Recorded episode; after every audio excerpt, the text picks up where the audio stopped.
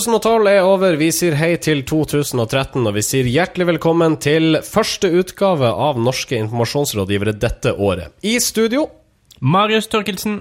Sindre Holme. og Marius Staulen. Godt nyttår, folkens. Godt, Godt nytt, nytt år. år. Helt kort, hva har dere eh, bedrevet jula med? Eh, jeg har eh, lest Kjetil Rekdals bok I. Ja? Jeg har eh, lest eh, faglektyre Altså lest meg opp på faglektyren fra 2012 på kampanje.com. Okay. Og eh, jeg har eh, sett eh, mye inspirerende YouTube-videoer eh, og motivert meg for det kommende kommunikasjonsspekka året. Hva har du lært? Jeg har lært eh, annet at hvis man måtte legger inn mye pianomusikk, gitar, akustisk gitarmusikk i case-videoer, eh, så betyr det også at det sannsynligvis har case et emosjonelt budskap, eh, selv om det ikke kan oppfattes ellers. Og eh, jeg har også lært det at de fleste sakene på kampanje.com er det egentlig ingen som bryr seg om, i hvert fall ikke nok til å kommentere. Ok, uh, Holmis. Ja, jeg har jo øh, Jeg har vinket farvel til øh, PR-bransjen. Takk for nå, uh, og gått over til mediebyråbransjen. Riktig. Og hvor er det du jobber nå? Jeg øh, jobber nå i Starcom. som Gratulerer er- med ny jobb. Ja, takk for det. Og det, ja, det er jo da Må ha litt uh, reklame her, og det er jo da Norges beste mediebyrå. Ja. Uh, det kan godt være. Uh, hva, hva har forandra seg da, fra PR til da markedsføring?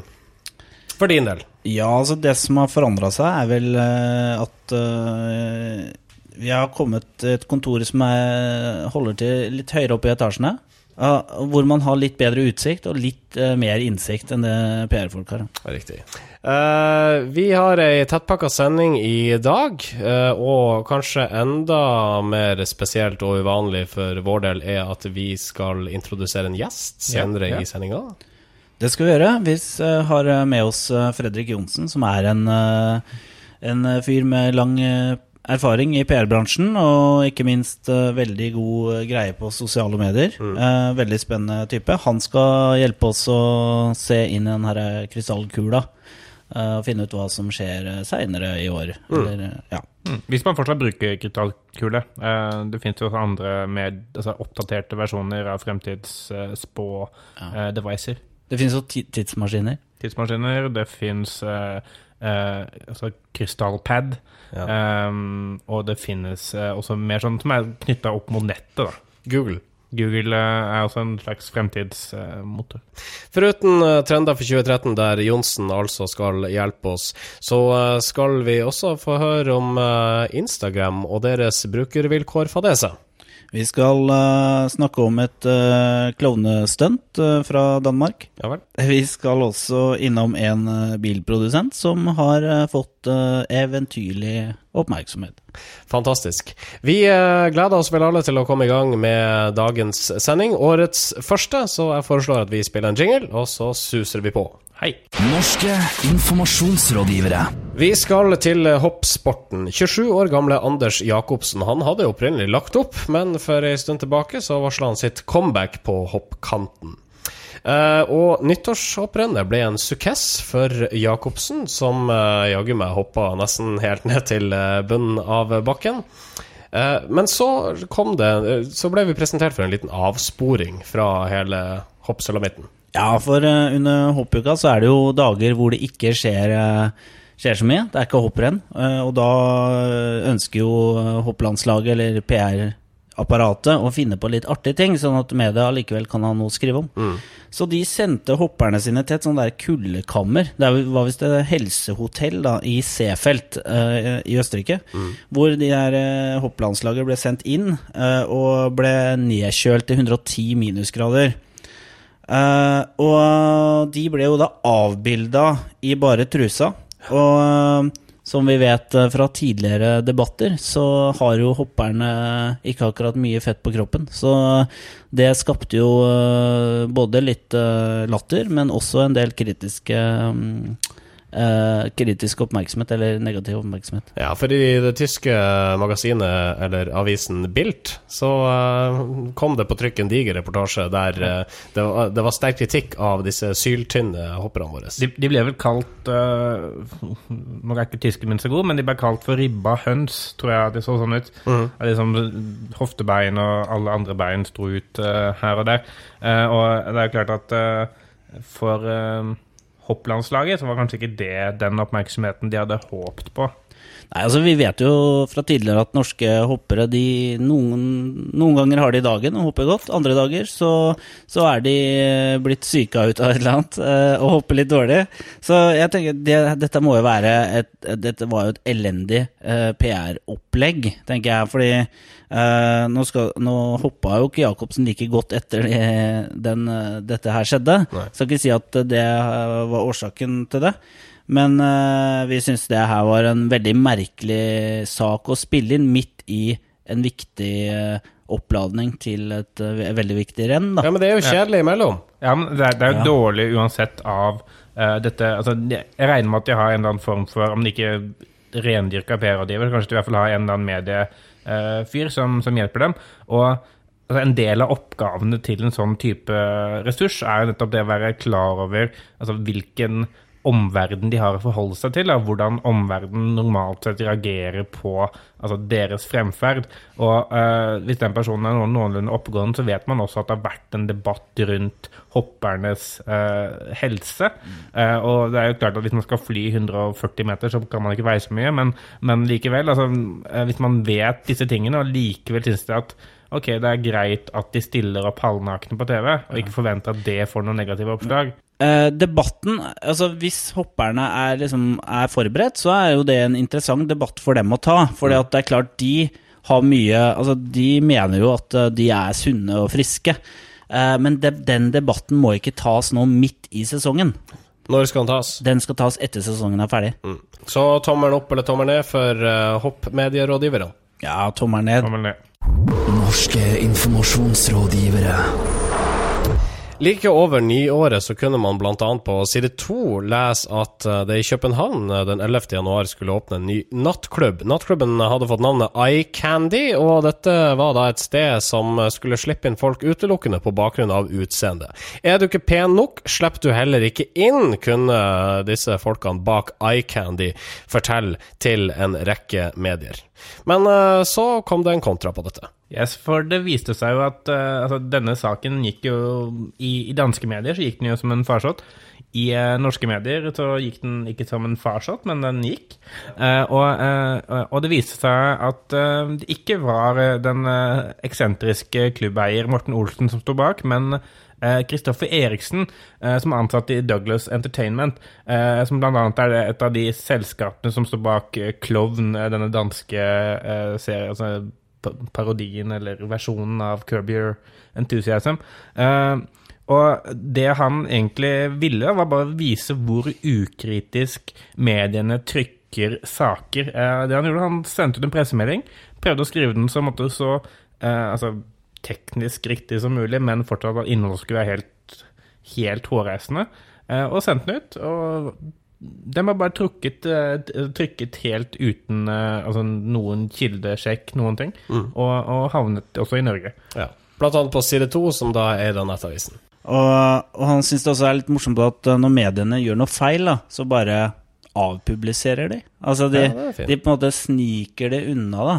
Eh, Altså de tar jo på en måte aldri selv, veldig sjelden selvkritikk på at de har gjort en feil vurdering. De bare Oi, nå er plutselig ikke saken på lenger. Eh, og det er jo Men det er eh, sånn som ja, Altså med sosiale medier og så videre, så får- folk det med seg i mye større grad. Så det nytter ikke at avisene sjøl ikke tar selvkritikk, all den tid kritikken hagler kanskje på Twitter, f.eks. Ja. Jeg syns det er litt sånn rart at uh, de har fått denne pressemeldingen hvor et sitat blant annet var, blant annet var Vi eh, bryr oss kun om utseendet. Hos oss kan du komme inn selv om du ikke eier en krone, bare du er pen. Altså Man får en sånn pressemelding, og så tenker man ikke Kanskje jeg skal ringe denne personen og altså, snakke litt mer med han, eller høre litt om hva, hvorfor han gjør det, og hva som er greia bak det. Han bare trykker det. Altså, det det syns jeg er kanskje mest kritikkverdige. Ja, altså Virkeligheten er jo dessverre sånn at uh, Kuriosa-kriteriet altså, Det står veldig høyt i norske redaksjoner, da, særlig den type uh, redaksjoner som Nettavisen, f.eks., side 2. Spesielt Nettavisen, Eh, kanskje.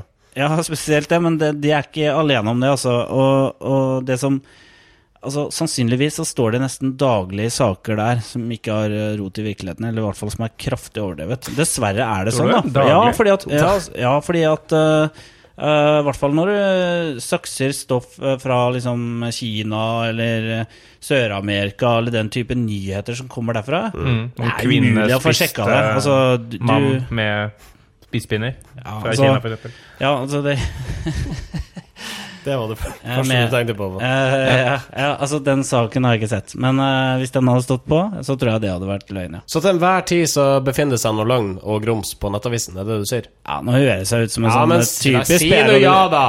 Ja, jeg tror det. Eh, Det, det som jeg syns er veldig altså, En sånn ting som også er litt sånn interessant med den, denne saken, er jo at uh, side to Nettavisen ble jo nødt til å avsløre altså, hva, hva slags type smak har de i, eh, i jenter. Fordi eh, som illustrasjonsbilde til disse bildene, så har de da funnet noen stockfotos som, eh, som, som skal illustrere da pene mennesker, da, for saken skal jo handle om pene mennesker. Ja. Og det er to bilder. Den ene er da av en ganske tynn, bleik, eh, ung jente, vet jeg, i sølv-BH. Og den andre er av ei som ser ganske østeuropeisk ut. Ja. uh, Men hva, hvilket ternekast hadde du gitt på de dommene der? Hvem er det? Uh, Jeg jeg? Nei, altså, jeg vil nok si at uh, det er ikke helt innafor det jeg måtte anse som, som min smak, men, uh, men altså, jeg, jeg syns jo i utgangspunktet at det er vanskelig å gi terningkast på mennesker, men, men de har hadde, men de har, hadde fått en to. Jeg gir hun der i sølv-BH-en terningkast seks. Kan vi gi tommel opp eller tommel ned for ukritisk gjenprinting i mediene? Jeg tommelen ned, da. Ned. Da skal vi snakke om norsk PR-bransje. Det passer bra, all den tid dette programmet heter Norske informasjonsrådgivere. Ole Tom Nomeland i Gambit han var ute i DN her nylig og kritiserte Hans Gelmyden for å rakke ned på bransjekolleger, og samt for å bruke det å rakke ned som et grep for å få oppmerksomhet sjøl. vi refererer bl.a. til Gullkorn-kritikken, som uh, Gelmyden senere fikk tyn for. Så ønsker Nomeland videre at 2013 skal bli året norsk kommunikasjonsbransje skal stå samla, og at også Hansemann slutta seg til resten av laget. Men uh, Nomeland får ganske krast motsvar. Altså Nomland han skrev jo en uh, firespalters helsides kommentar i DN, hvor han måtte tok opp disse tingene som du nevnte. Uh, og Hans Gilmaiden han svarte Jeg tror hele innlegget hans var på kanskje tre og en halv linje. Overskriften var 'nei takk'. Til Eh, spørsmålet som uh, ja, altså fordi Nomeland spurte skal vi være venner. Det var en måte overskriften. Uh, og så svarer Hans Gilmaiden poengtert uh, nei takk. Vi kan, jeg har ikke lyst til å bli venn med deg, men vi kan godt være bransjekolleger. Så altså status quo. Kan vi være venner i norsk PR-bransje, altså byråer imellom? Altså, det burde vel ikke være så veldig vanskelig å si ja takk til det. Eh, men eh, her, vil, her er det kanskje litt sånn ordkløveri, og så er det litt sånn posisjoneringskamp. Eh, for Nomeland sin del så tror jeg han er en sånn type som, som ikke har så veldig vanskelig for å Jeg tror han er mer jovial type enn Hans Gelmund, for å si det rett ut. da Han deler ut flere klemmer på julebordet enn Det vil Hans jeg tro. Ja, Det det vil jeg tro. Ja. Ja.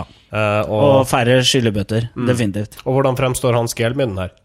Nei, han uh, Han er jo må- seg selv lik. Han er jo seg selv lik. Han er, det er jo ikke uventa. Altså, han, han vil jo aldri uh, bli et objekt i en debatt. Altså på en måte å la seg styre.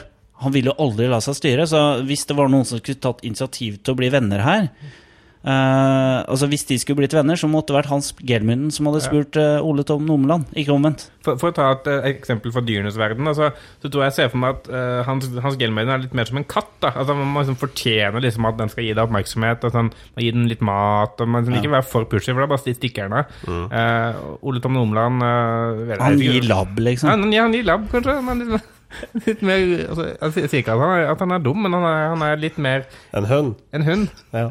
Gelmyden liker å bli klødd på magen og Ja. Det er altså til på å hans, maler av glede. på hans premisser, da. ja.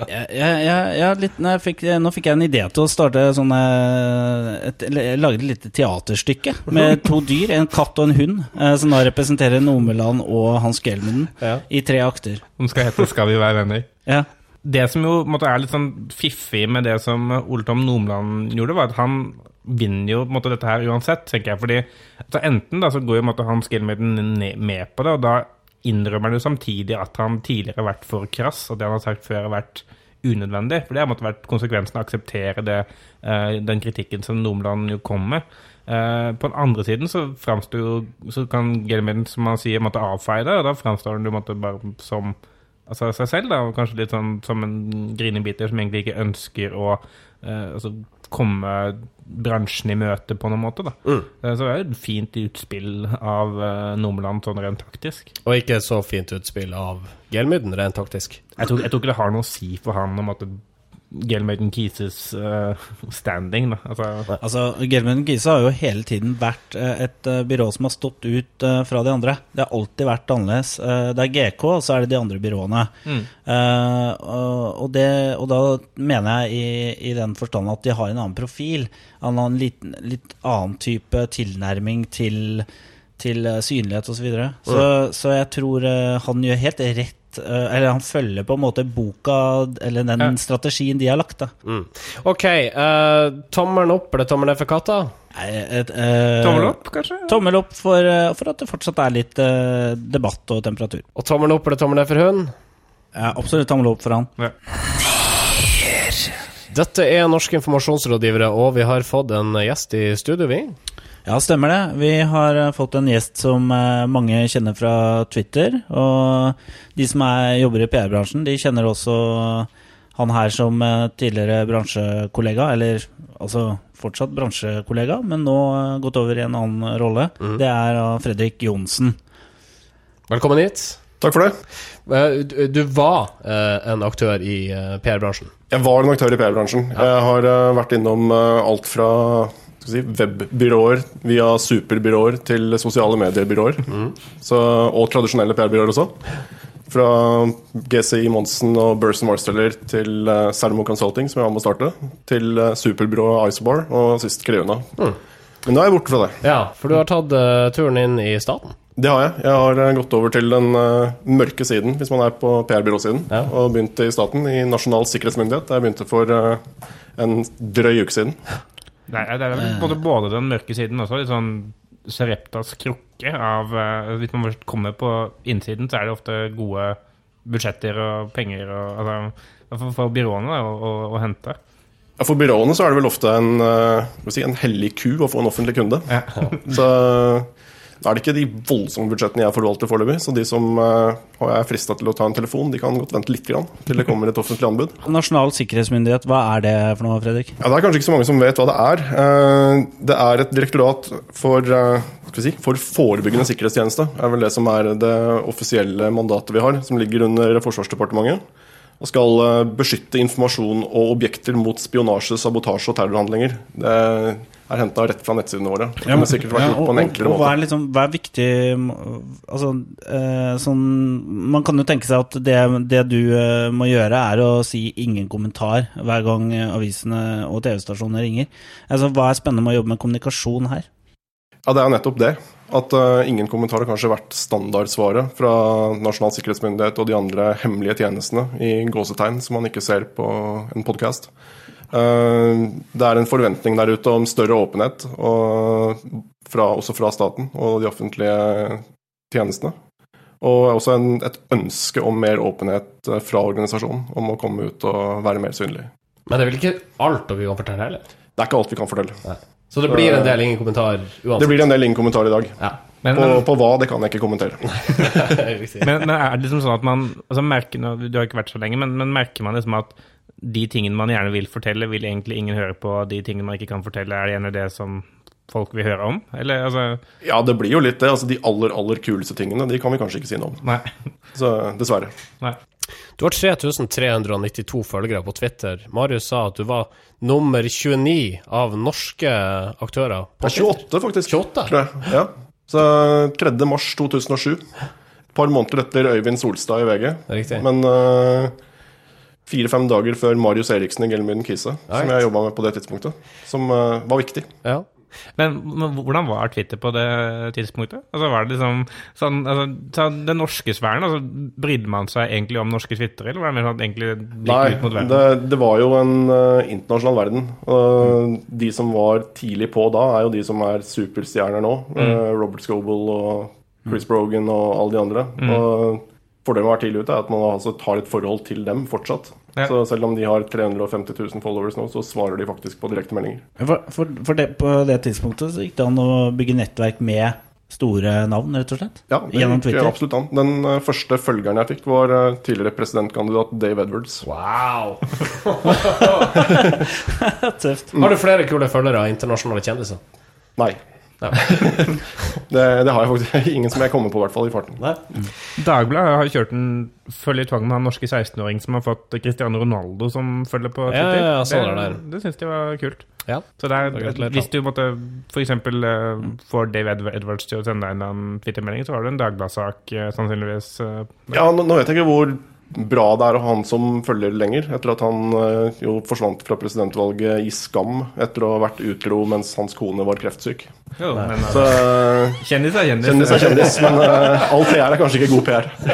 Stå på veggen jeg, i, i Dagbladet-redaksjonen. Ok. Um, Superflott at du er med oss, uh, Fredrik. Uh, vi skal sette videre i sendinga, tror jeg. NIR. Ikke gjør dette. Vi skal eh, i denne utgaven av Ikke gjør dette snakke om bildetjenesten Instagram, som for en stund tilbake innførte noen nye regler eller endringer i sin eksisterende policy. Og disse endringene her, de skapte furore. Hvorfor det, Marius Torkelsen? Nei, det, altså, det er fordi endringene mer eller mindre sa at uh, hei, vi kan eh, selge bildene dine. Bildene som du har lagt ut og tatt og lagt fine filter på, de kan vi selge hvis noen vil kjøpe dem. Altså, dette, dette skapte jo eh, furore, og Instagram ble faktisk nødt til å gå ut og si at nei, nei, vi, vi skal egentlig ikke selge dem, det var bare dere som har misforstått eh, brukervilkårene litt. Og så la de ut måtte, en revidert versjon av disse brukervilkårene eh, for å vise altså, hvor man har misforstått. Så de måtte trakke seg på det. Men likevel har det ført til at det er en del brukere som har eh, sluttet, og kanskje da spesielt de profesjonelle brukerne eh, som eh, kanskje i stor grad også er For, for fotocommunity så er det nok de også de som er litt sånn opinionsledere, og de som har trukket litt folk inn der i utgangspunktet. Mm.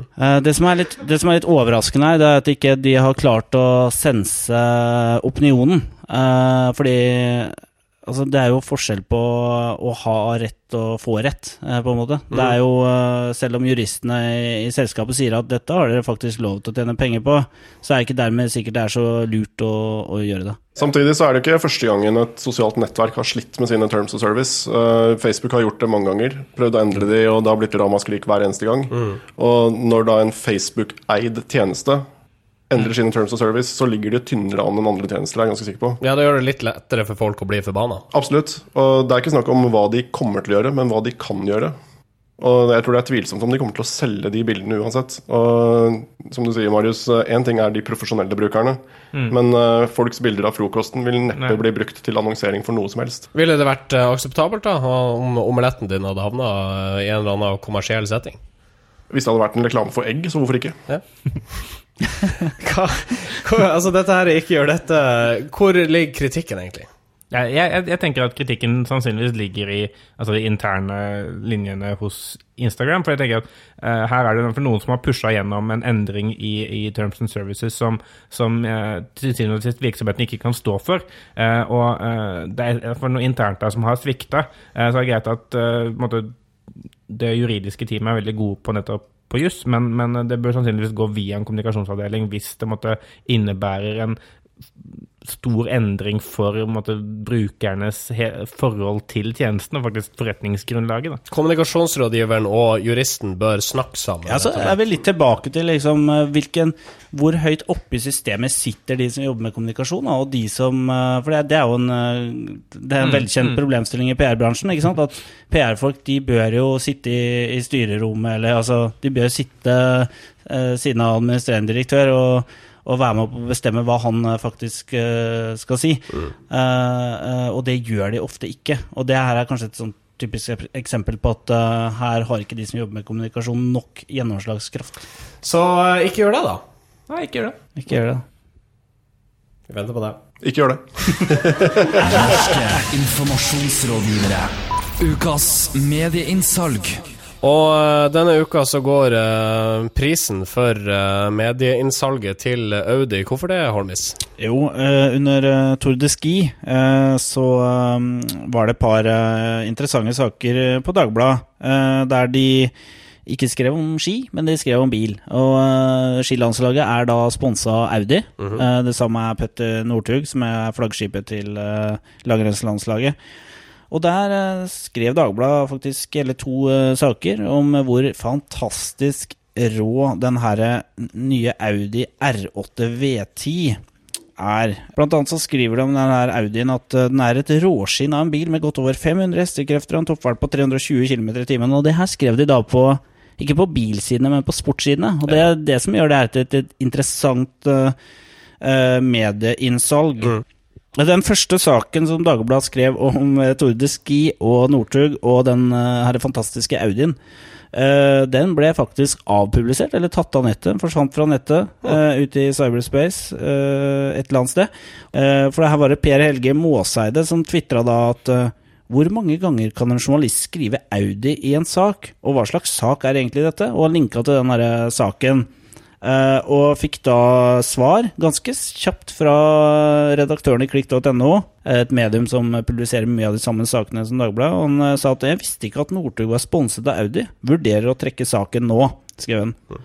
Eh, og da gjorde de faktisk det.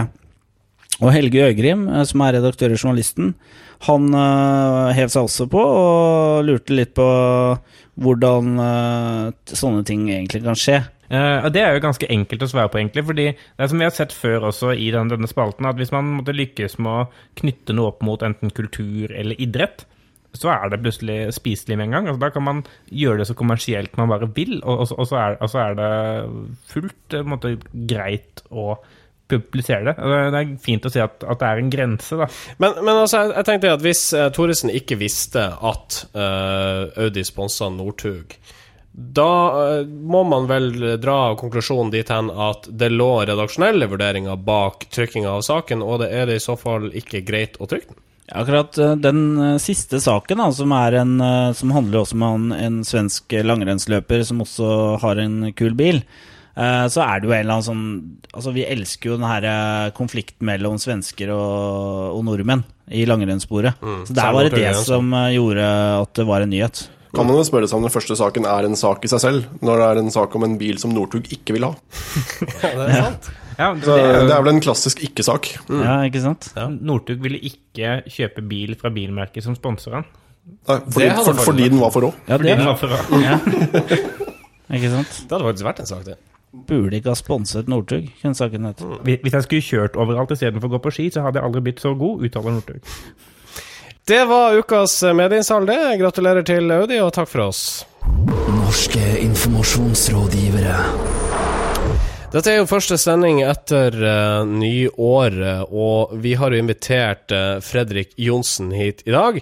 Johnsen er kommunikasjonsrådgiver i Nasjonal sikkerhetsmyndighet. Vi får ikke vite så mye om hva som foregår uh, oppe i Kolsås. Mye av det som skjer der er hemmelig, men uh, vi har henta deg hit for å spå litt. Det stemmer. Eh, Jeg har spådd et par ganger før. Eh, Spådde at en tjeneste som heter Twitter kom til å slå an i 2008. Ja. Det var klin feil, fordi den slo ikke an før i 2009. Oi. Så Når spådde du det? i uh, romjula 2007. Okay. Så litt forut for min tid. Ja, Men Det eh, det er- jeg er vel litt som disse tyske værspåmennene som dukker opp i januar hvert år og sier det kommer til å bli en fantastisk sommer, og så Ja. er det ingen som hører fra dem igjen. Nei. Sånn at det du sier her det, Altså, du sier implisitt nå at uh, selv om du sier det, betyr ikke at det er rett. Jeg tar antageligvis feil. Ja, ok. Men uh, vær så god, første spådom.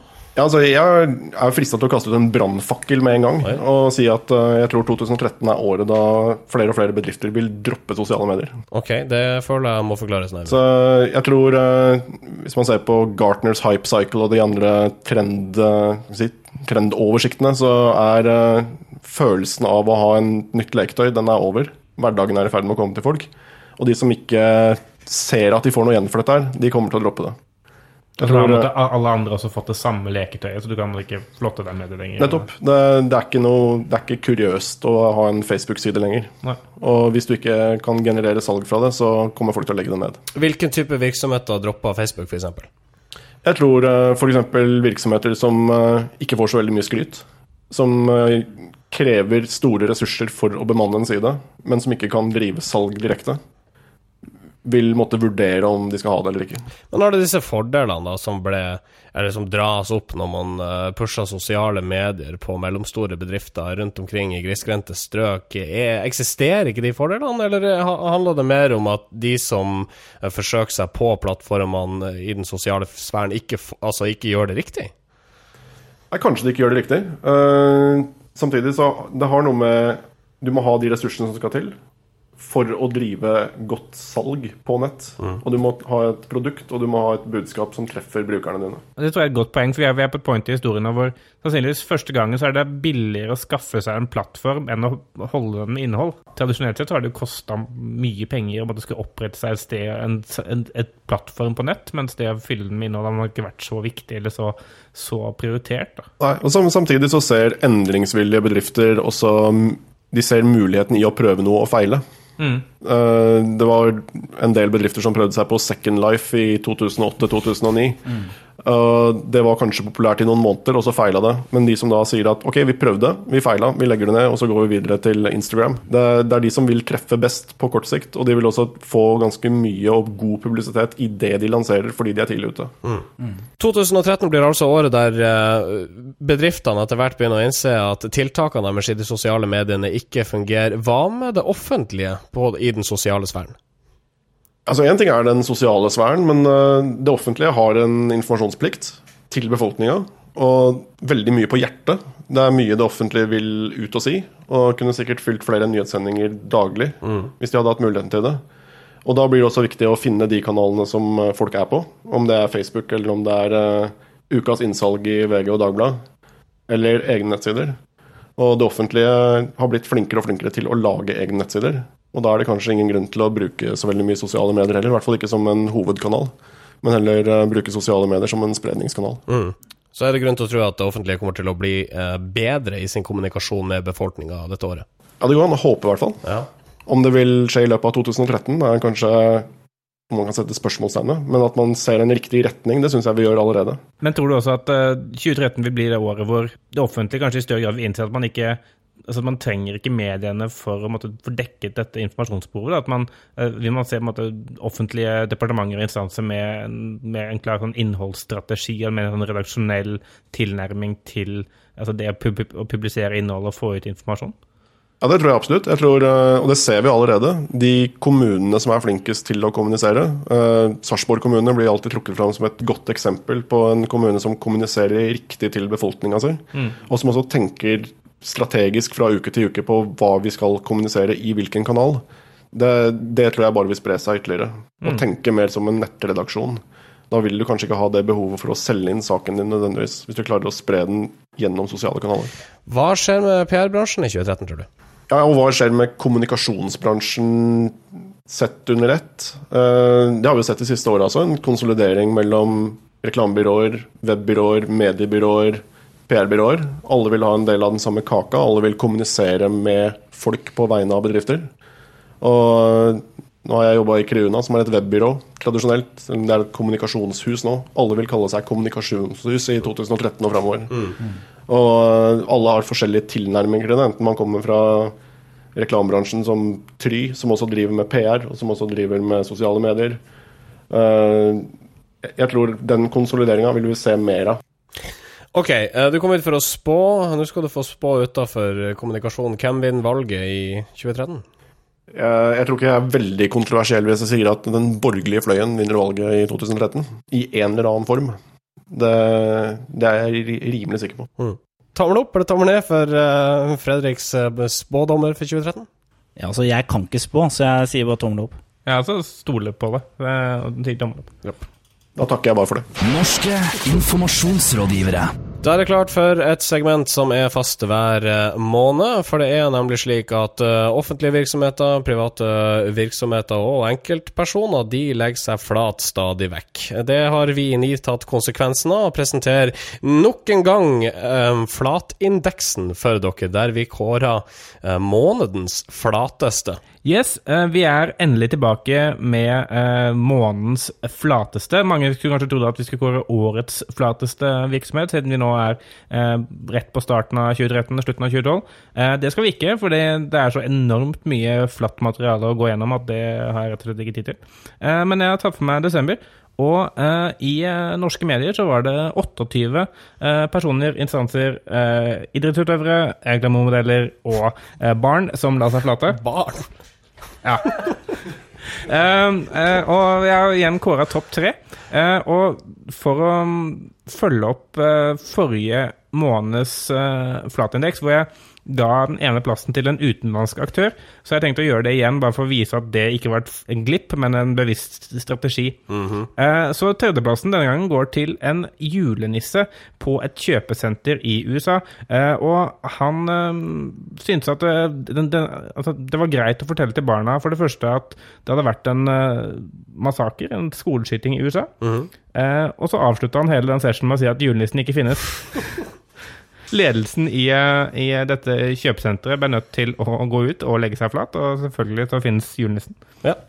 Julenissen sjøl la seg ikke flat, skal han nevnes. Nei, for han kunne ikke ta ansvar for at folk kledde seg opp i kostymer og måtte, inntok rolle som julenissen. Det skjønner jeg godt. Ok, eh, den nest flateste den måneden. Dette er egentlig en delt førsteplass, uh, hvor det er egentlig to uh, virksomheter som har gått mot sin egen uh, altså sin, sin, sin, sitt eget formål og, og, og gjort noe som egentlig de ikke burde gjort. Eh, den første er da LO eh, i Tinn, som trengte å få gjort noe renovasjon på et bygg. De skulle fjerne noe asbest og måtte legge inn noe annet eh, isolerende materiale. eh, til å gjøre den jobben så valgte de å leie inn uorganisert arbeidskraft som ikke var godkjent for den jobben de skulle gjøre. Det endte jo selvfølgelig med at LO sentralt måtte gå ut og legge seg flate for at de gjorde nettopp dette. Den andre førsteplassen går til Vegvesenet i Elverum, som skulle en tur på Triangelgården kjøpesenter. Eh, og de slet litt med å finne parkeringsplass, og de valgte å parkere på en handikapplass. Eh, og det skapte selvfølgelig problemer når det kom en annen da faktisk handikappet person og ønsket å parkere der, bare for å se at eh, Vegvesenet sto i veien. Eh, Vegvesenet ble igjen konfrontert med at de hadde feilparkert. og- Av den handikappede. ja, Ja. og, og av østlendingen, og ble nødt til å legge seg flate. Selvfølgelig skal, skal de ikke feilparkere. Nei. Så da er det bare å gratulere LO og Vegvesenet med delt førsteplass for denne månedens flatindeks. Ja, og til alle falske julenisser som uh, går inn for å knuse juleillusjonen til små barn, så syns vi at det skal, skal de ikke gjøre. Nei. Ukas kudos. Og ukas kudos den går til statsmeteorolog Jon Smits. Hvorfor det? Ja, altså Det er fordi at uh, Altså, du kan si meteorologene er vel den yrkesgruppen som har fått øh, øh, fått voldtatt sitt fagfelt uh, kraftigst, øh, kan man si, opp gjennom åra. Altså, alle mener jo noe om været, og Ja. alle tror at de kan ganske mye om det. Ja. Men John Smith han har gått ut i media og sagt at dere har ikke greie på hva dere snakker om. Ja, han er rett og slett lei av at eh, journalistene bruker altså, store ord når de skal måtte lage sensasjonssaker om været. Eh, altså En, eh, en eh, liten eh, kuling blir en orkan. En eh, liten storm blir en sterk storm, osv. Så. Eh, så han går ut og måtte, sier at nå må måtte sensasjonsjournalistikken rundt været ta seg selv i nakken og, og, og faktisk eh, bruke begrepene riktig, da, og ikke måtte skape eh, værsaker som egentlig ikke er noe spesielt. Han sier f.eks. at uh, det her uttrykket med nei, orkan i kastene, det, er, det, det går bare ikke an. Hvordan man måler vind, det, er, øh, det gjør man i et, et tidsrom. Uh, så man måler ikke et kast, på en måte. Et vindkast. Det blir ikke målt uh, isolert, da. Uh, Helt stille, helt stille. Ok, Altså det er jo sekundmeter, ja, for det er jo sekundmeter man måler Ja. eh, over en viss tid. Ja. Så jeg syns jo det er ganske Det er jo et eh, frisk eh, en liten, eh, liten frisk bris fra Smiths der. Å, fy faen. La meg slippe å ta, ta bort det. Det blir så jævlig kleint. Men er, er, er dette en ordentlig, ordentlig sak, eller er det bare et større et vannglass? Ja, altså, det er jo Oi, oi, oi, oi. oi. Ikke sant? Det er umulig å ta det her uten å bruke med værmetaforer. Ikke Det er sant? en liten tvil om at fakta er litt tåk der. Tror jeg, ikke sant? Tåkelegging av fakta. Har dere flere på lager nå? Er vi ferdig med den biten? Sier, altså, Jon Smith sier f.eks. at det er forskjell på ekstremvær og ekstremt vær. Ja. Altså Ekstremt eh, vær det kan være vær som, eh, som, eh, som er veldig kraftig. Men ekstremvær er farlig vær. Altså Det er en uh, kategori vær som uh, hvor, hvor det kan skje store ulykker. da Så vi gir han altså kudos for å tørre å si fra, eh, der ingen andre tør å si noe. Ja, nettopp. For å stikke frem hodet og virkelig så, sette liksom, både journaliststanden og den menige nordmann, menige væropptatte nordmann på plass. Ja. Kan du følge Jon Smits på Twitter, eller? Det kan du under brukernavnet W. Nikkersen i ett år. Uh, ok. Jeg gratulerer til John Jon Smits. Ukas kudos er din. Norske informasjonsrådgivere. Årets første utgave av Norske informasjonsrådgivere nærmer seg slutten. Husk at du alltid finner oss på iTunes, men også på SoundCloud. Ja, Det er adressen eh, soundcloud.com slash nearcast. Mirror. Yeah. Ja. yeah. Internasjonalt. ja. Vi har uh, også en uh, e-postadresse, vi. Det er nearcast at yahoo.com. Ja. Ja, jeg har lyst til å legge til at vi også er på Facebook. Der kan du bare søke opp Norske informasjonsrådgivere, eller gå inn på facebook.com slash nearcast. Eh, det gjenstår å si tusen takk til vår gjest, Fredrik Johnsen. Jo, tusen hjertelig takk for at jeg fikk komme. Ja. Uh, kan folk følge deg på Twitter? Folk kan følge meg på Twitter. Jeg har et litt mindre kreativt navn enn meteorolog Jon Smits. Det er uh, FR Johnsen. Ja. Hva skal du bedrive eh, resten av fredagen med? Jo, det kan jeg dessverre ikke si noe om. Det er gradert informasjon. Det var det jeg regna med. da tror jeg vi avrunder herifra, Studio 2 i Nydalen. Mitt navn er Marius Staulen. Marius Torkelsen. Sindre Holme. Og gjest Fredrik Johnsen.